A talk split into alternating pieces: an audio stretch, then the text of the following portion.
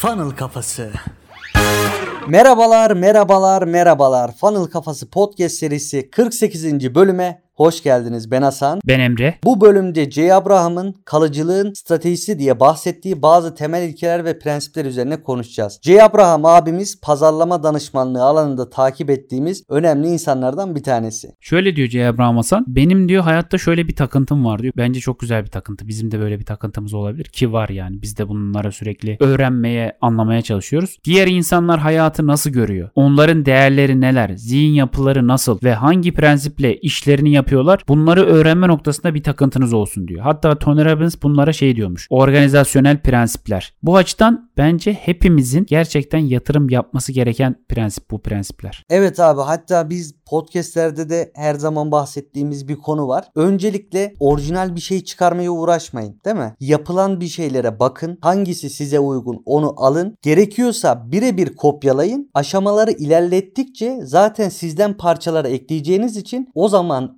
özgün ve size ait bir şey ortaya çıkacak diyoruz. Evet ya bu dediğin gibi düşünce yapısı, sistem, görüş bakışı içinde aynısı. Birebir kopyalayabilirsin. Sonra kendi hayat felsefene göre ya da yaşadığın ortama göre onları düzenleyip dizayn edebilirsin. O zaman ilk ilkemizle başlayalım. Müşteriyle sıra dışı bir empati kurabilmek ve bu empatiyle beraber işimiz aslında bir liderlik yapmak. Yani müşterilerle görüşürken senin hissettiklerini ve problemlerini anlıyor mu onlara hissettirmemiz gerekiyor. Empati konusunda biz zaten sürekli sürekli değiniyoruz. Nasıl bir empati kurmalıyız, müşteri tarafından nasıl yaklaşmalıyız diye. Bu zaten iç odaklılıkla da çok alakalı. Yani birine hizmet verirken siz iç odaklıysanız aynı zamanda ciddi manada empati de yapıyorsunuz demektir. Şunu iyi ayırt etmek lazım. Empati yaparken müşteriye bilgi vermekle tavsiye vermek arasında fark var. Burada müşteri sizden aslında bilgi istiyor gibi gözükebilir ama müşteriye siz spesifik olarak onun bulunduğu konumla alakalı hem bilgiyi hem tavsiyeyi beraber vermelisiniz. Bunun için de ne yapmanız lazım? Kendinizi sürekli sürekli olarak geliştirmeniz lazım. Yani empati aslında burada müşterinin sizin söylediğiniz şeylerden nasıl karşılık alacağını, nasıl düşüneceğini de kestirebilmektir. Bu açıdan empati çok önemli. Bunun için de aslında biz funnel kuruyoruz canlı yayınlarında da yapıyoruz bunu. Her zaman ya işte ben böyle bir ürün ya da hizmet ortaya çıkardım. Karşı taraf olarak hemen kendinizi aksedip bunu alır mıyım? Bu benim için uygun mu? Veya işte görüşmelerde ben bu şekilde insanlara yaklaşsam veya işte biri bana bu şekilde yaklaşsa ben acaba nasıl karşılık karşılık veririm diye düşünün. İkinci olarak da insanlara odaklı bir şekilde yardım etmelisiniz. Odak berraklığı getiriyor. Berraklık gücü, güç anlayışı, anlayış netliği, netlik ise neyi getiriyor Emre abi? Güveni getirir tabii ki. İşte bu. Yani güven olmadan insanları harekete geçirmek mümkün değil dostlar. Odaklı şekilde yardım edebilmek şu açıdan önemli. Sizin o insanın gerçekten ne istediğini, ne söylediğini yine empatiyle bağlı olarak ne söylediğini tam olarak spesifik olarak ona odak odaklanarak cevap vermeniz aslında müşteriye verdiğiniz değeri de gösteriyor. Dolayısıyla müşteri sizden bu değeri aldığında gerçekten ona değer verdiğinizi hissettiğinde ne olacak? Aradaki bağ daha da güçlenecek ve sizin sürdürülebilir ve uzun soluklu bir danışan danışman ilişkisi kurmanızı kolaylaştıracak. Evet biz bunu danışanlarımızda zaten görüyoruz. Üzerinden geçelim tekrardan Emre abi. Odaklandığımız zaman tamamen bir berraklık oluşuyor. O baktığımız işle alakalı. E bu berraklık da bizim bilgi birikimimizi doğru bir şekilde karşı tarafa aktarmamızı sağlıyor. E bu da ne? Karşı tarafa gücümüzü gösteriyoruz. E biz gücümüzü yani otoritemizi insanlara gösterdiğimiz zaman da ne oluyor? Onların bize bakış açısı tamamen değişiyor ve anlayışlı bir şekilde bakıyorlar. E anlayışta neyi getiriyor?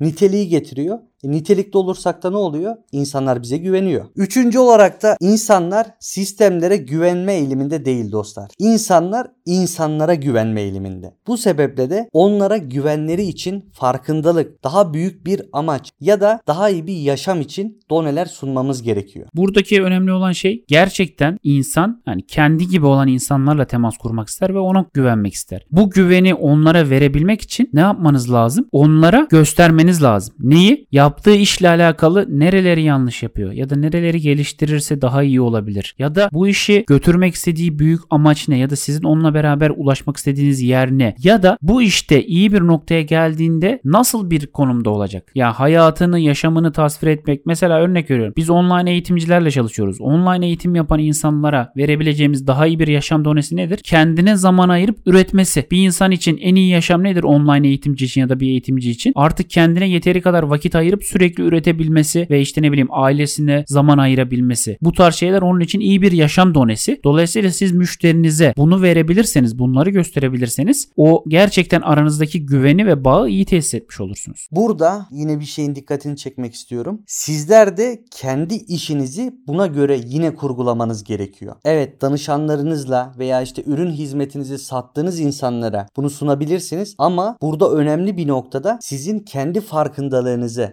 kendinizin daha büyük amaçlarını ya da daha iyi bir yaşam için kendinize neler sunuyorsunuz bunları da aslında insanlara aktarmanız gerekiyor. Hatırlıyorsun değil mi Emre abi? Bize bazı danışanlarımız geldiğinde ne diyor? Bizi funnel kafasına eriştirin. Biz funnel kafasını istiyoruz diyor. Evet bu işte hani onlara verebildiğimiz ya da vermeye çalıştığımız büyük amaçla alakalı. Dolayısıyla onu bilerek buraya gelmesi ve yaklaşması bizim için çok büyük bir avantaj. Bunu sağlayabilmenin en iyi yolu da ne aslında? Müşteriyle senin arandaki o ilişkiyi daha önceden tesis edebilmek. Bunun için de ne yapmak? İçerik üretmek. Dördüncü olarak da insanlar sizin problemlere ürettiğiniz çözümleri sadece rasyonel olarak değil duygusal olarak da hissetmek istiyorlar. Yani ne demek istiyoruz? Onları gelecekte bir yere götürmeliyiz ve o duyguyu onlara hissettirmeliyiz. Örnek verelim işte gelecekte işiniz şöyle olacak. Ürünleriniz böyle olacak. Pazarlamanız şu şu şu stratejilerden oluşacak gibi. Buradaki insanın irrasyonel olan tarafını bilmek her açıdan çok önemli. İnsan şunu istemiyor. Biz sizin Facebook, Instagram reklamlarınızı alırız ve buradaki problemi çözeriz. Şöyle bir yere getiririz vesaire. Tamam ama bunun sonucu ne? Onu ulaştıracağın yer ne? Duygusal olarak ona hissettirdiğin şey ne? Mesela şunu hissettireceksin duygusal olarak ona. Örnek veriyorum. O kadar fazla sipariş gelecek ki gün içerisinde kendinizi böyle ya siparişten dolayı acayip mutlu hissedeceksiniz ve kafanızın bir tarafında hep ya ne güzel işlerim ne kadar iyi gidiyor. Ya da işleriniz öyle bir konuma gelecek ki siz sadece üretim yapacaksınız ve eğitimleriniz bir yandan satmaya devam edecek. Bakın buralarda ne var? Duygu var. Ama şu duygu değil. Cironuz 50 bin TL'ye çıkacak. Bu salt. Salt bir sonuç. İnsan bunu istemiyor. O sonucun ona hissettirdiği duyguyu da istiyor. Dolayısıyla onu gelecekte bir yere götürmeniz lazım ve o yeri gerekiyorsa bütün duyularla hayal ederek ne bileyim işte belki ilerideki o şeyin hissiyatını yaşayarak, duyarak belki o şeyi, o ortamı koklayarak onu hissettirmeniz lazım ki bu çözümün rasyonel değil duygusal tarafını da anlasın ve kavrasın. Bu da zaten 5. maddeyle orantılı. 5. maddemizde amaç da aslında amacın çok önemli olduğundan bahsediyordu. Burada biz amacımızı insanlara sadece rasyonel şeyler sunmaktan ziyade onların da insan olduğunu yani bizim gibi olduğunu bilip duygusal olarak da onları tatmin edecek. Realiteden tabii ki de uzaklaşmadan yani Emre abi biraz önce işte size şu kadar kargo gönderttireceğiz, bu kadar iş yapacaksınız dediği şey bir umut tacilliği değil. Mesela biz böyle bir düşünceyi savunursak arkasını neyle doldururuz Emre abi? Deriz ki biz bunun için bir sistem inşa edeceğiz. Bunun için de bir sabır gerekli ve herkes kendi üzerine düşeni yapması gerekli diye devam edip onlara hem nasıl yapacağımızı duygusal bir şekilde ve rasyonel bir şekilde aktarmamız gerekiyor. Beşinci maddemizde amacınızı bilmek çok önemli dedim. Çünkü bu amaç bize müşteriyle doğru iletişim kurma noktasında yardım edecek. Önceki maddelerde de bahsettik. Kendinize o yüzden şu soruyu devamlı surette sorun. Alıcı tarafta olsam ben ne isterdim? Bu teklif benim için nasıl bir avantaj sunuyor? Burada benim işime yarayan ne var? Teklifiniz her daim müşterinin kafasındaki soruları cevaplamalı. Funnel kuruyoruz canlı yayınlarında biz her zaman doğru soruları sorarak ilerliyoruz. Zaten bunu yapmasaydık biz şu an 35 tane bu bölümü ne zaman dinliyorsunuz bilmiyorum ama güncel tarihinde 35 tane funnel kuruyoruz canlı yayını çektik ve biz bunları her zaman dediğimiz gibi Cem Yılmaz'ın bana bir kelime verin espri yapayım dediği gibi biz de sektör söyleyin bize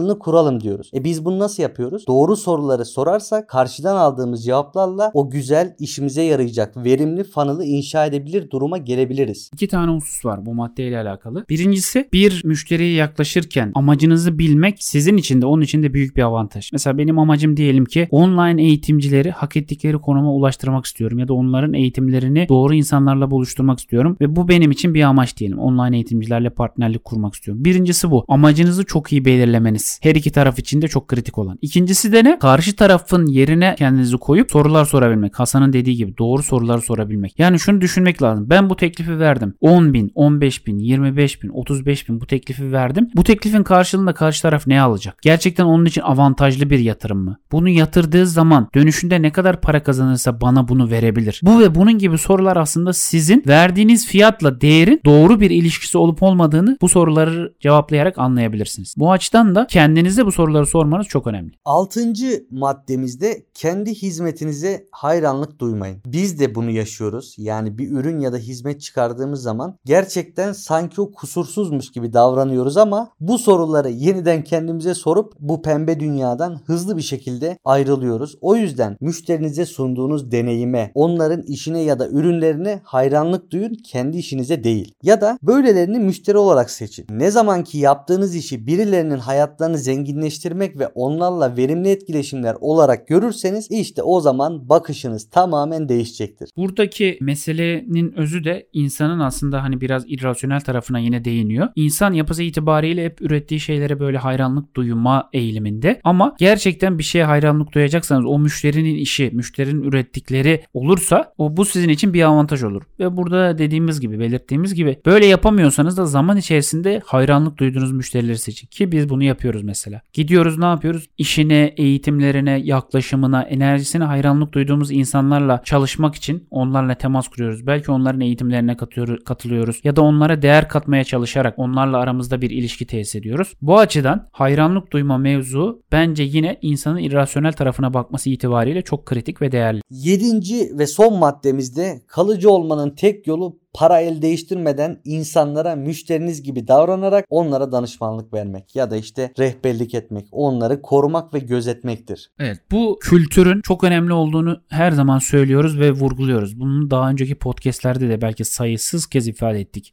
Para el değiştirmeden insanlara müşteri gibi davranmak, danışmanlık vermek, rehberlik etmek, onları korumak, gözetmek. Bak sen şu tool'u kullanıyorsun ama bu tool senin için çok maliyetli. Aslında şu aracı kullansan daha faydalı olur. Ya da bak reklamlarını şöyle yapıyorsun ama bak burada para kaybediyorsun. Şöyle yapsan daha verimli olur. Bakın ne yapıyorum aslında? Para el değiştirmeden ona danışmanlık veriyorum. Müşteri rehber gibi davranıyorum. Ona değer katıyorum. Bu açıdan siz birine böyle yaklaştığınız zaman onun Cialdini'nin ilke ve prensipleri itibariyle karşılıklılık ilkesi ne diyordu karşılıklılık ilkesi? Siz birine bir şey yapıyorsanız o da onun karşılığını vermek ister. İnsan bu. Karşılık vermek isteyecek. Dolayısıyla sizin böyle bir yaklaştığınız bir insanın karşısında ondan değer al- almanız ya da ne bileyim beraber bir partnerliğe, bir iş ortaklığına, bir sürece başlamama imkanınız yok. Bu prensiplerden en sonuncusu en son bahsettiğimiz bu prensip çok değerli ve dediğim gibi bütün podcast boyunca eğer bana deseniz ki bu bölümde tek bir tane madde seçseydin o hangisi olurdu? Kesinlikle bu olurdu. Para el değiştirmeden insanlara müşteriniz gibi davranmak, onlara danışmanlık etmek, rehberlik etmek, onları korumak, gözetmek, onların işletmesini kendi işletmeniz gibi görmek kalıcılığın stratejisi için en kıymetli, en önemli maddelerden bir tanesi. Burada şöyle bir yanlış anlaşılma da olmasın. Biz burada para el değiştirmeden insanlara yardım edelim diyoruz. Ama işte verdiğimiz örnek mesela danışmanlık vermekle alakalıydı. Hani sadece danışmanlar mı böyle yapacak işte tool önereceğiz veya başka bir şey gibi düşünmeyin. Herhangi bir ürün veya hizmet olabilir. Artık siz insanlara ne satıyorsanız bu fark etmez. Sattığınız ürünün yanında ya bak bu ürünü şunla beraber kullanırsanız şöyle iyi olur. Veya işte o daha pahalı bir ürün alacak senden. Bak senin ihtiyacın bu değil. Sana çok daha uygun miktarda şu üründen vereyim ben. Bu senin için daha verimli olacak gibi. Kısa vadede sana kayıp gibi gözükse de orta uzun vadede işlerinde kaldıraç etkisini kullanarak devasa bir büyüme sağlayacağın stratejidir bu. O yüzden Emre abinin dediğine tabii ki de katılıyorum. Gerek bu podcast'in gerekse funnel kafasının mantalite bölümünde anlattığımız gibi para el değiştirmeden insanlara müşterimiz gibi davranmamız gerekiyor. O zaman burada podcast'imizi sonlandıralım Emre abi. Eğer bana ulaşmak istiyorsanız Instagram ve Twitter'dan Hasan 2 ile Bolukbaz ulaşabilirsiniz. Sorularınız varsa sorabilirsiniz. Bana da Twitter üzerinden özellikle ED Doğaner yazarak ulaşabilirsiniz. O zaman ne diyoruz Emre abi? Funnel kafasından uzak kalmayın. Ve unutmayın bu hayatta hepimiz birer